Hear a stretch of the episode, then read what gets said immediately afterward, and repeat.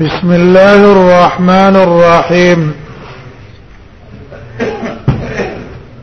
باب بدء الاذان باب بیان دو طریقې د شروع کېدل د اذان کې د اذان کله مشروع شو کله شروع شو ابو داود کې اذان معنا من وکړه چې اذان په لغت کې لکی الاعلام تھا خبر ورکول ته وي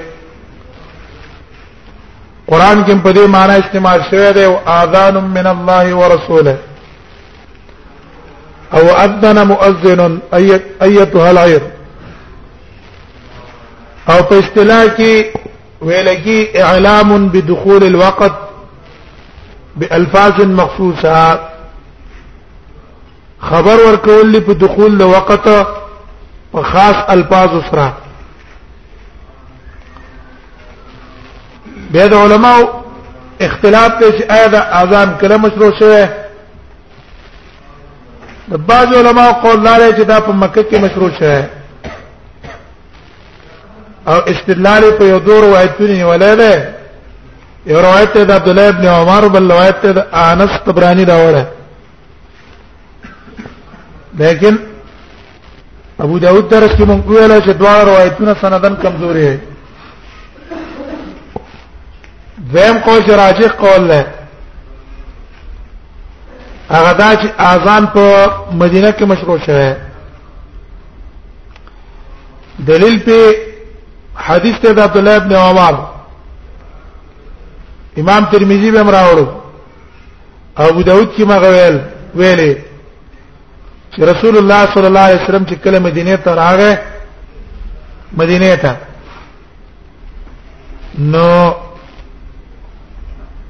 لما كان المسلمون حين قدموا المدينة يجتمعون فيتحينون مدینه ته چرال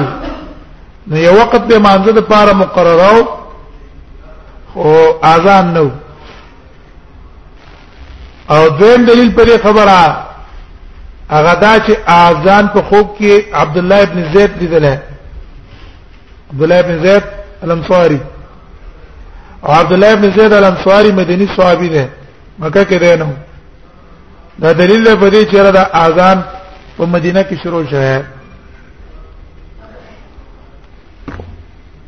او په ابتدا کې شروع شوه ابتدا کې اوس دا ذکر کوي باب ما جاء في بدء الاذان او شروع کېدل د اذان کې محمد ابن عبد الله ابن زيد روایت کې د خپل پلار نه قال لما اصبحنا اتينا رسول الله صلى الله عليه وسلم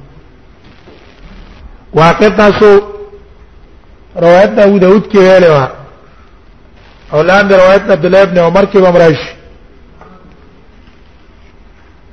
مدینه ته چې کله دی ورال نبی صلی الله علیه وسلم څخه فکر وو چې را دې مانزه د پاره وخت مقرر کو نوې زما سره غم د وجه د غم د رسول الله صلی الله علیه وسلم نه نو په شپې کې مې خوب ولیدلو بین نائم و یقظان نه ودومو نه کومه دې په منځ کې ومه یو سره چې خوب می ولیدل اذان او اقامت دوانه په خوب کې ولیدل او اتینا وې موږ رالو نبی صلی الله علیه وسلم ته فاخبرته بالرؤيا وما ولا خبر ورکو په خوب چې اې دا الله نبی ما خوب لیدل خوب کې وسړیو ټلې وسره او ما ته چې د الله بندا یا عبد الله اتبیو هاذ الناقوس غرات تل تفسکه او ما چیر خلق په پیازان ترابلو او زه تا ته یو شعر در کوم چې بدینه غوري ما ته ورنه ودا کلمات اذان راوته خودل او به له کوم دې کې اقوا شو بیا را ته کلمات د اقامت راو خودل نبی صلی الله علیه وسلم فرمایل ان هذه لرؤيا حق یقینا دا حق خوب ده نبی صلی الله علیه وسلم څنګه د خوب ته حق خوب ویلو حال دار چې صحابي ده او د صحابي خوب احتمال له خطا احتمال له حق دواړو پکې شته صرف د انبیا خوبونه وحي انبیاء په غیر په نور خوبونو کې احتمال د ختامي احتمال احتمال د حقم بږي ان ان هذا هذه لرؤيا حق څنګه ویل دیم رسول الله صلی الله علیه وسلم په دې خوب باندې په ابتدا د اذان څنګه وکړه ابو داود کې مونږ ویلو چې روایت کې سره ده دي چې سبق کبه الوحي عمر بن خطاب چراغه نبی صلی الله علیه وسلم ویاله سبقك بها الوحي ستاره مخکې وحی راغلی دلته نبی صلی الله علیه وسلم ته وحی رااله او دیو تر اوره چې د خوب ته بیان کو نو رسول الله صلی الله علیه وسلم چې تل رؤیا حق نیول د وجه د سنا د تایید د وحی د وجه نه فقم مع بلال تو درګه د بلال سره فانه اندا یقینا دا خسته والا خسته आवाज والا ده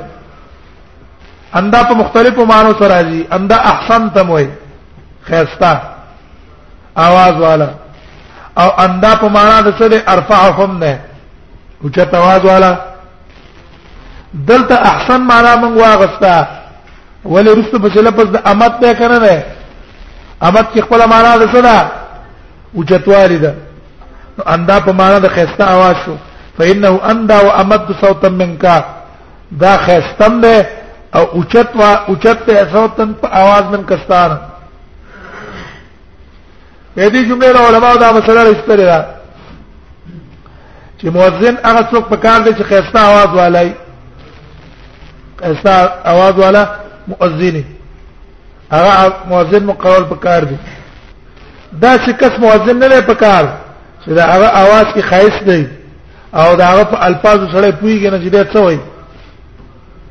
دا څه وایي باندې کچاري په اذان باندې ډېر عاشقي لیکن دا غي आवाज د خلکو باندې خلګيږي نه نه چې چا خسته आवाज اغل کول پکار دي یوی دلیل لا ده دیم دلیل لا به محظوره ده روایت کې راځي رسول الله صلی الله علیه وسلم چې وکفه تکړه نو بلال اذان کو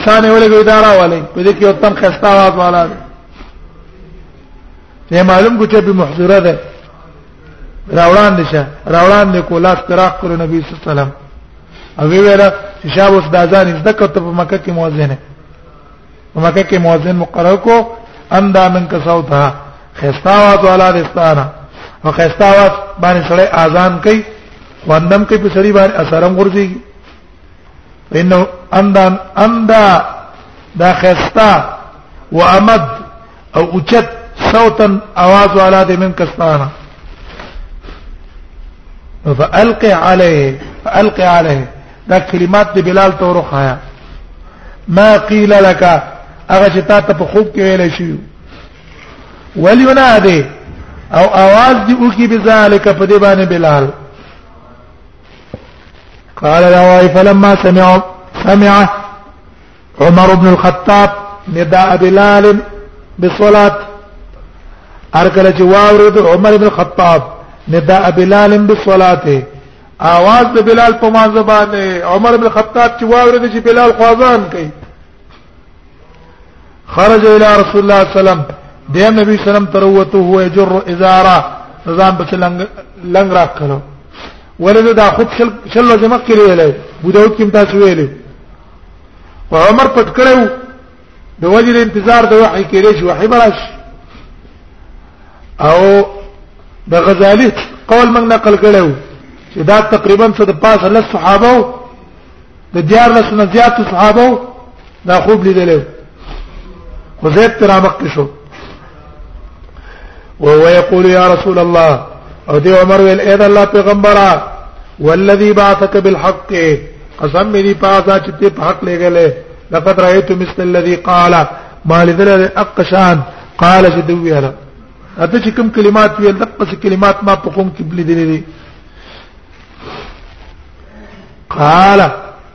فقال رسول الله صلی الله علیه وسلم راوی نبی صلی الله علیه وسلم ویلا فلله الحمد الله لپاره حمد ده زکا چې توافق په دې خوب باندې راغې او نور تاکید هم په دې کې راغې فذلك فلله الحمد فذلك اثبت دا خبره څه ده دا ډېره مضبوطه خبره ده ذالک اثبت وانا ډېر مضبوطه تام ولید او غم ولید او بل مولید وحم پراله وفي الباب عن ابن عمر ودې باب کې د عبد الله ابن عمر روایت هم دی چې امام ترمذی ور پسې راوړي ور پسې قال ابو سعيد حديث عبد الله بن زيد حديث حسن صحيح حديث حسن هم صحيح نه وقد روى هذا الحديث ابراهيم بن سعد او دا حدیث ابراهيم بن سعد نقل کړی د محمد بن ساق نه اتم من هذا الحديث دې حدیث نه پورا ده ابو داود کې ما غوېله واطول او ډیر وګت ده ابو داود کې دا ویلي ورسول الله صلی الله علیه وسلم صحابه سره مشوره وکړه چلو نو وخت د مانزه د پاره وې نبی سلام امر کو بالناقص ته بس تلې جوړه کړې وې زم جدا شوم د وجه د غم د رسول الله صلی الله علیه وسلم نه په خوب کې مې سړې ولیدلو ناقوس سره ما ته الله خرڅه وینا بیننا بیننا من ولیقظان ولولا يكون الناس كخلقوا نو اذا دروغ وي نو زبویا به زوی خوما نو اذان راتو خود ثم استاخره عني غير لقنت غير بعيد بقامت خود نو ذکر فی قصه الاذان پاکه قصه د اذان مسنا مسنا ذکر کړه اذان کلمات ته تدبر د خود له والاقامه او اقامته ته خود له مره مره الفاظ د اقامت ته یو ځل خود لري قد قامت الصلاه وزل اوس به وی ګورا حدیث کې دوه عبد الله ابن زید دی یو عبد الله ابن زید ابن عاصم المازنی دی هغه منصوری دی او یو عبد الله ابن زید ابن عبد ربه دی دا منصوری دی خو عبد الله ابن زید ابن عبد ربه دغه صرف یو اذان حدیث نقل له نور حدیثونه دغه نه دی نقل او ارچ حدیث د عبد ارچ عبد الله ابن زید ابن عاصم المازنی دی دا غنه ډېر احادیث نقل لې په صفت الوضو کې هم ته نقل لې ابو نور دین کې ته هم نقل لې نو غرض د امام ترمذی په دې جمله کې سره د په توهم د چې ګوره دا دوه یو نه دي دا دوه څه دي یو بل نه جدا جدا دي وعبد الله بن زيد بن عاصم المازني و عبد الله بن زيد چې دا ابن عبد ربه ده او يقال ابن عبد رب عبد ربه په عبد رب ویل کیږي ته ولا نعرف له او من ته نه معلوم د د لپاره د نبی صلی الله علیه وسلم نه شيئا يصح یو حدیث چې هغه صحیح الا هذا الحديث مگر صرف د حدیث د اذان ايو حديث دنا نقل له الواحد يو ده في الاذان باذان کې الا هذا الحديث الواحد في الاذان مگر دا یو حدیث باذان کې دا معلوم نه او عبد الله بن زيد بن عاصم دیم قسم عبد الله بن زيد بن عاصم المازني ده له احاديث عن النبي صلى الله عليه وسلم دا غد پر ډیر احادیث ته نبی صلی الله علیه وسلم نه نقل لې او هو عم عباد ابن تمیم او هغه څوک ده هغه د عباد ابن تمیم تر ده وفي قال سنة أبو بكر بن نظر قال حدثنا الحجاج بن محمد قال قال ابن جريج ابن جريج وهي أخبرنا نافع بن عمر لك خبرنا كده نافع ابن عمرنا قال كان المسلمون حين قدموا المدينة ويو مسلمان چې كل مدينة ترال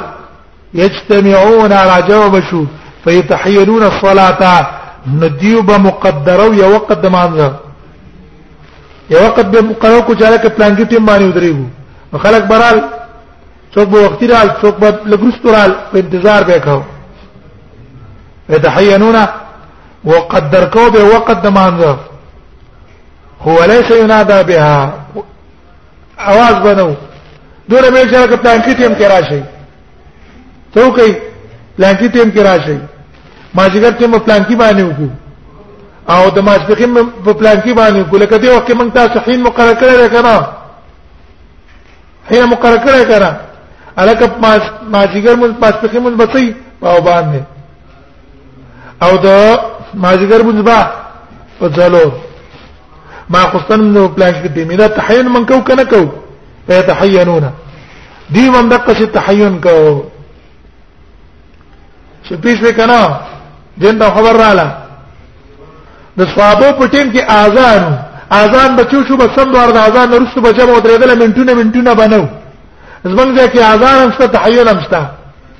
نو وخت کې څه اذان هم ده تحین هم ده اذان هم کو په ټیم په وخت مخکې د ادا کولو دا سنتیت په وجه نه یره دا اذان شو دا دا شو او بل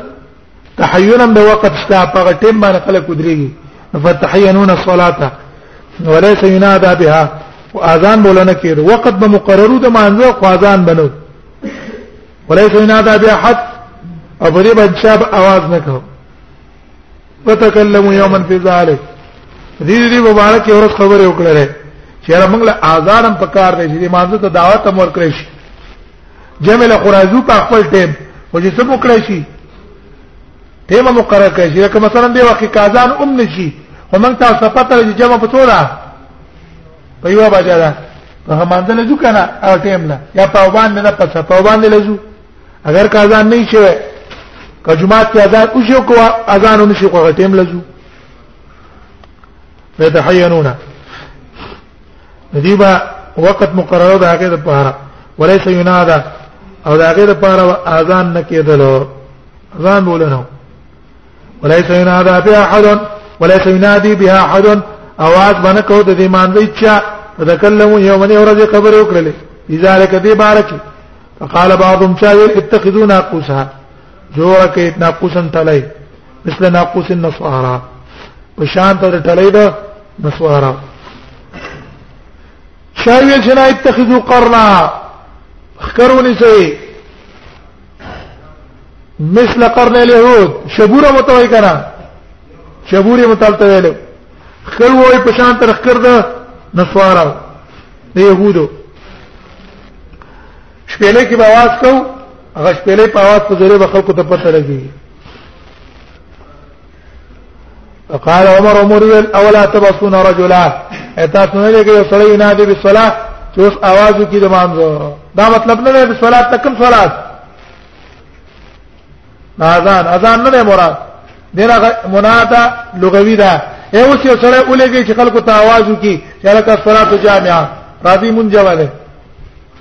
مانځل راځي قال علی فقال رسول الله صلی الله علیه وسلم فرمایله یا بلال اے بلال قم فراد بالصلاه دې حدیث کې اختصار دی کنه حدیث کې څه دی اختصار دی عبد الله بن زید به خوب لیدل یا دلته اختصار ونه کې قال فنادي بالصلاه ندا نه مراد ندا لغوي ده ندا شرعي نه ده ولی کنه دا لغوي موږ شرعي واخلو نو بیا د عبد الله بن زید د خوب لیدل څه پیدا شو دښوا او بلال ته به خودلې ولې ده نو دیو جن ندا نه مراد کوم نه ده په وخت کې بلال ته چې بلال ورشه आवाज وکړي صلاتو جامعه قال ابو سعيد هذا حديث حسن صحيح غريب من حديث ابن عمر حديث حسن ده صحيح ده غريب ده من حديث ابن عمر باو ما جاء في الترجيح في الاذان باو بيان الترجيح في الاذان اذان کې اختلاف او کیفیت موږ ابو داود کی تفصیل سره لاله په دې خو اتفاق دی ابو داود کې موږ ویلو چې په دې باندې د علما اتفاق دی چې ټولې طریقې د اذان جایز دي که ترجیح کې هغه جایز ده او که مسنا مسنا کې هغه جایز ده صرف اختلاف د علماء په افضلیت کې ده چې افضل طریقه په اذان کې کومه ده مالکیان شوافع حنابلہ د دې په نسبت ترجیح په اذان کې افضل ده ترجع اذان په اذان کې افضل ده ترجمه معنا شهادت الله الا الله صلو کرتی وي اشهد ان محمد رسول الله صلو کرتی وي دته لکی ترجع دا ترجیح د هغه په نسبانه به تر دا دلیل حدیث دا به محظوره ده رسول الله صلی الله علیه وسلم به محظوره ته خو دله ترجیح ته خو دله دویم وې دا عمل له مکه وایا او دا مجمع د تمام مسلمانانو ټول مسلمانانو په مکه کې راجمع کېدل او د بیا محظورات ځان مکیدلو تر نه 50 هجری پورې څو پورې نه 50 هجری پورې دا به محظوره د مکی خطیبو دا امام مؤذنو او مسلمان راجمع کېدل د مختلفو ملکونو نه عام فارونه او یو تن پرت نه کړه دیو جن دا افضل راج عمل نه بل حدیث د عبد الله بن زید په ابتدا کې ده چرته ده ابتدا کې حدیث حدیث د ابي محذوره په پته د مکه کې ده اخر کې ده په ترجیح افضل ده دیم قول احناف علما ده احناف علما وايي چې نه تسنیه افضل ده اقامت اذان کې د دزل دې استدلال نه له حدیث د عبد الله بن زهر دیم استدلال نه له حدیث د عبد الله بن عمر او میرا بلال او بلال تامر شو چې تاسو کا يشفع الاذان ويطر الاقامه اذان مشفع شفع کې او اقامت پس کې تاک تاک بکې او دا عمل له مدینه والا او دا به محذورا نه بعدم بلال څکاو اذان یې وزل کړه به دیورا لګی دی احناف حدیث نبی محذورا نه جواب کړه یو جواب ادا کړه په حوی والا چې وای دا اوله کلمه دته خودله پر دخول فی الاسلام دا په اسلام کې څه شي داخل شي او به لارستو کلمه او تقودل لا د پاره اذان هدايه والا جواب کړه کان تعلیما فظنه ترجیعا و اذا رسول الله صلی الله علیه وسلم تعلیم ورکاو چې د سی وای د سی وای نو کله کله شاګرد ته سره الحمدلله الحمدلله الحمدلله رب العالمین الحمدلله رب العالمین د درې کړه ته توي کنه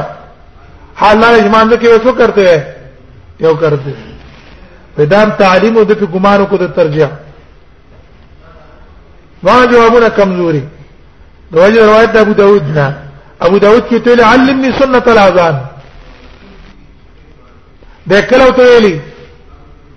پس د اسلام نه داخله دلو کې محمد صلی الله علیه وسلم سره نبی سم په لاس راکړې دعا د برکت کړي او به نبی سلام ته جعل ابن سنت الاذان بل ظنه ترجیع ابي محصوره دا پنځوستمه پورې دا ځان کو او ټول مسلمان یې درو شو دا کو او هیڅ چا ته نه ګوره ته په خطر رواني ته چی ته په خطر رواني رسول الله په مکه کې شتا حجۃ الوداع لبه راغله هم دې صحابي به اذان کړي دغه د مکه دا مؤذن دی کنه رسول الله تعالی یې دا ته په خطه اند ک روانه غلط جواب دی ورنه ترجیح والا نو درې جواب ته حاوی کړي و ادا اصل کې د رسول الله صلی الله علیه وسلم فمت بن صوتک आवाज په پورته کا و دا اول کې په دمه دمه ویل اول نه چا आवाज پوښتنه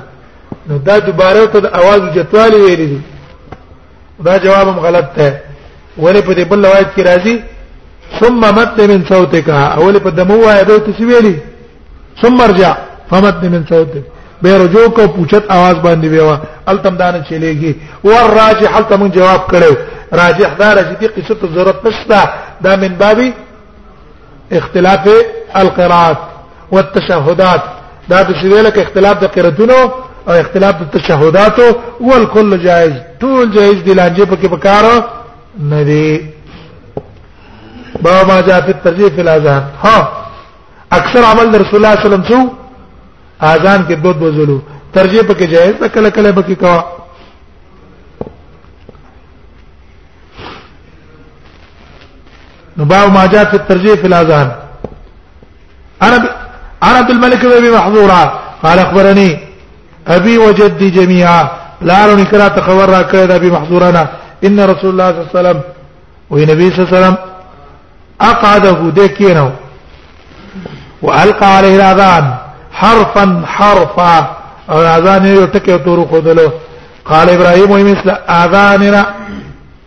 دقه شي آزاد لکه زمنګ آزاد قال بشر فقلت له عيد عليها وای ما او ته چې ته څنګه آزارو ما تر او پس کا فوزا فوصف الاذان بالترجيع راغه ذات اذان نه څه بیان کو په ترجیح باندې چې د څه اذان لکه د ترجیح غونډه کې ما ترجیح په کې کو شذ الله الله شذ رسول الله په کې څلور څلور کرتے وې ودي قال سمسر رواز قال حدثنا ابراهيم ابن عبد العزيز ابن عبد الملك خاب قال أبو سوي حديث أبي محظورة في الآذان حديث صحيح آذان أبي محظورة فذاك كي صحيح حديث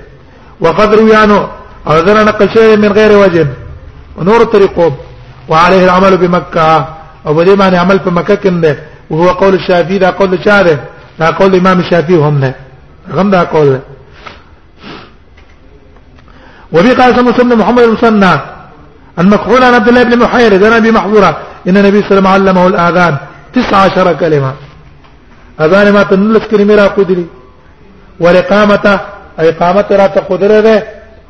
10 کلمه و 17 کلمه ولس کلمه را قدلی تفصیل منګه ابو داود کې کړو شوافی او حنابلو په نسبت نه اذان څو ده 19 کلمه ده الله اکبر څلو کرتے شهد الله الا څلو کرتے اشهد ان رسول الله څلور کرتے حي على الصلاه حي على الفلاح څلور کرتے لا اله الا الله ددا شو او الله اکبر او صدا شو ټول شو نور له شو کله شو نور له شو د امام مالک په نسبت باندې اذان 17 کلمه ده ولغه الله اکبر کی دوزل وای د وجه دې نه چې باز روایتونو کې تر اغلی حدیث د زید کیم د کرت راغله او نبی صلی الله علیه وسلم ته ویلو الله اکبر الله اکبر په کرت یا وی محذوره پر روایت کې الله اکبر په کرت راغله د امام ابو هريره رحم الله په نسبانه اذان پنځل لس کلمې ده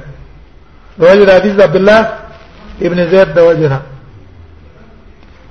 والاقامه وإدارة تراقود له والإقامة سبع عشر كلمة ولقام سبع عشر کلمه باندې احناف استدلال کړي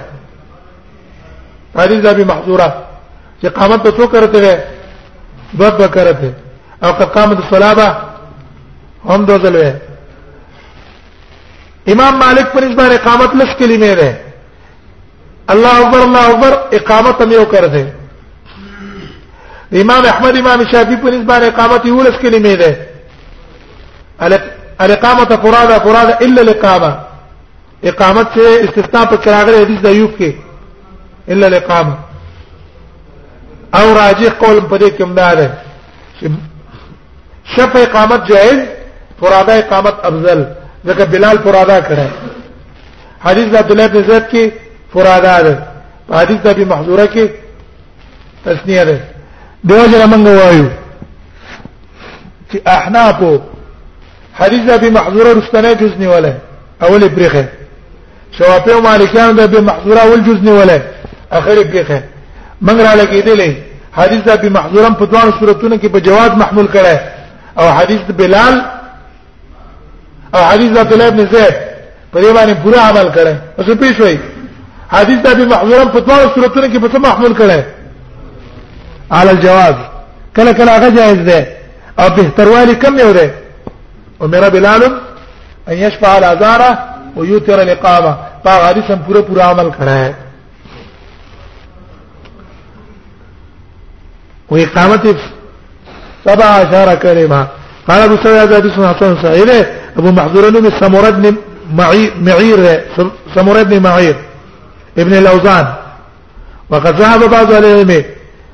بعض علما تری دي ته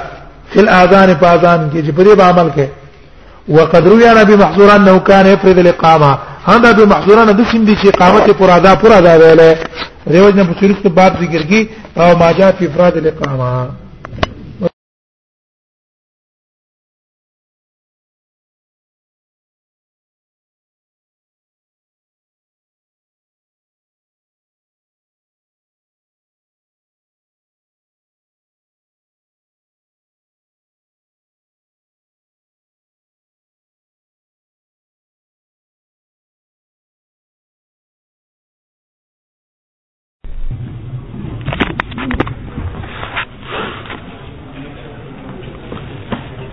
بسم الله الرحمن الرحيم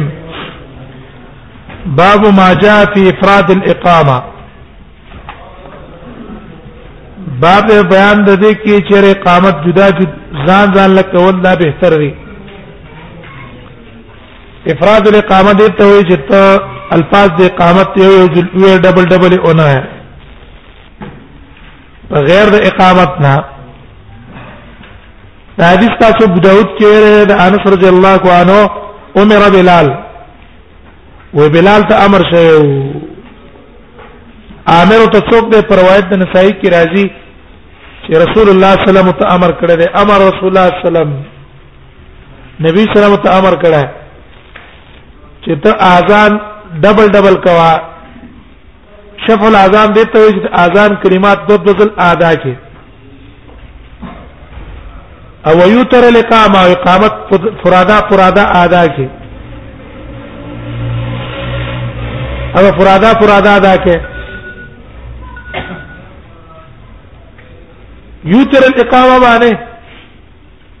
استدلال هغه چا نیولای دی مالکان شوافی حنابلہ چیرې په اقامت کې فرادا فرادا مستحب ده باقي اختلاف پکې مونږ ویل او دا مو ویل چې دې اختلاف ته ضرورت نشته دا کوم باب نه ده دا د اختلاف التشهدات او اختلاف القراءات نه ده هر یو تن جایز ده چې چا په کوم باندې عمل وکړي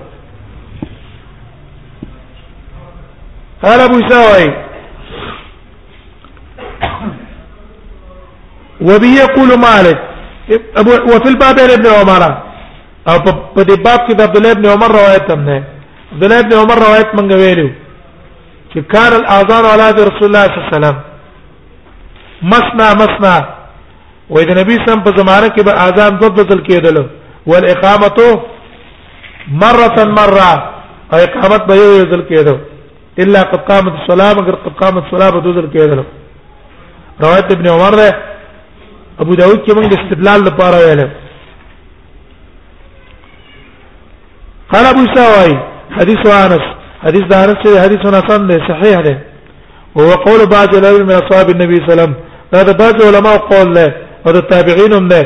چې اذان مسنایل پکار دي او اقامت فرادا فرادا پکار ده وبي يقول مالك والشافعي هم په دې فرادا اقامت باندې قول کوي مسنا مسنا باندې نه کوي ولی مالک شافعي او احمد او اسحاق قول په څه باندې کړي په اذان کې په ترجیح باندې کړي خو په اقامت کې پر ادا باندې قول کړي نو به کې زمي چا تراجه ده د افراد الاقامت ته چې په دې افراد د اقامت باندې امام مالک امام شافعي احمد اسحاق هم قول کوي باو ما جاء في ان الاقامه مثنى مثنى بعد باندې دې کې چې اقامت دوه دوه ځله راغله چې باغې باندې امام بونی فرحم الله قول کړه ابن ابي ليلى عقبه ابن خالد روایت کړي ابن ابي ليلى را هغه د عمرو ابن مرنا هغه د عبد الرحمن ابن ابي ليلى را هغه د عبد الله ابن زيد را قال كان اذان رسول الله صلى الله عليه وسلم وې د نبی صلی الله عليه وسلم اذان چو هغه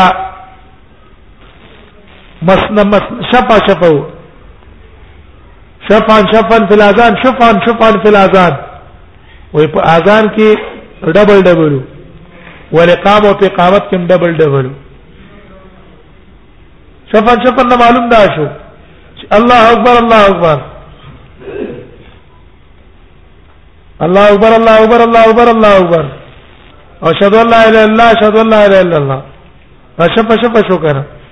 او په اقامت کې هم د قسم شفه شفه په دې حدیث باندې به احناف او استدلال لوله چې ګوره عبد الله بن زید روایت نه معلوم شو چې قامت څه ده ډبل او حدیث ابي محذوره نه مخکې معلوم شو چې قامت دبل ته خود له ولې قامت اقامت ته څو خود له خمسه سبع عشر کلمه هغه مت سبع عشر کلمه خود له وس امام ترمذی وايي چې قال ابو ساوي حديث عبد الله بن زيد رواه وكيع عن الاعمش ودا وكيع نقل کړه د اعمشنا هغه د عمرو بن مرانه هغه د عبد الرحمن بن بلالانه چې عبد الله بن زيد راى الاذان في الاذان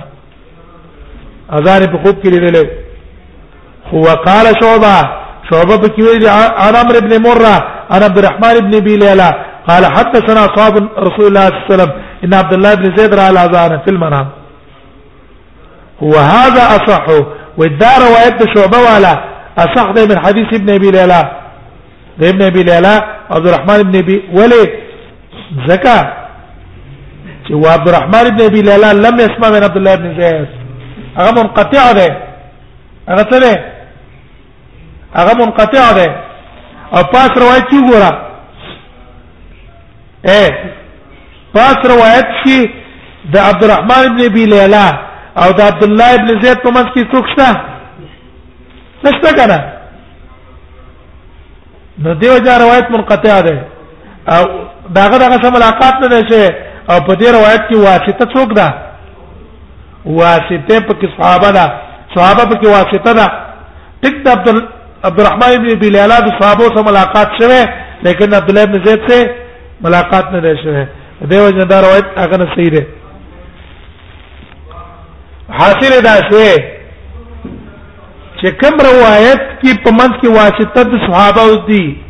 نو په هغه روایت کې د عبد الله ابن زید اقامت فرادا ده او چې کوم روایت کې واسطه نشته د صحابه او دار کې د عبد الله ابن زید نه نقل کړي نو پاکه اذان شفن شفن ذکر ده خو هغه روایت منقطع ده دیوژن قال ابو اسحاق حدیث د عبد الله ابن زید نو قال بعض العلم دیو جن قال بعض علما ویل دي الاذان مسنا مسنا وی اذان دو دو ځل له او اقامت یو یو ځل له وبه یقول سفیان الثوري واذا قال او اقامت هم دو دو ځل له او دا قول د سفیان الثوري او د عبد الله مبارک او د کوفی والا باو ما جاء في الترسل في الاذان بعد بيان الترسل في الاذان هي حاصل باندې ورسېږي کنه هیڅ تعویلون ته ضرورت نشته چې موږ تعویلونه وکړو لکه احناف را لګيږي په تعویل تعویل کوي او یو تر اقامه کې یو ناشنا تعویل کړی دی ناشنا اوی وشف الاذان معنا دا ده چې اذان کلمه به جدا جدا ہے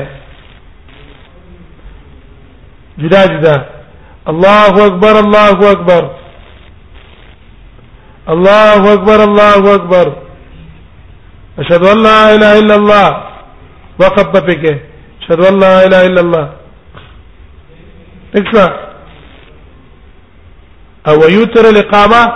او اقامت کې به ایثار کې ایثار معنا دا ده چې دا کلمات په یو ځل باندې وي الله اکبر الله اکبر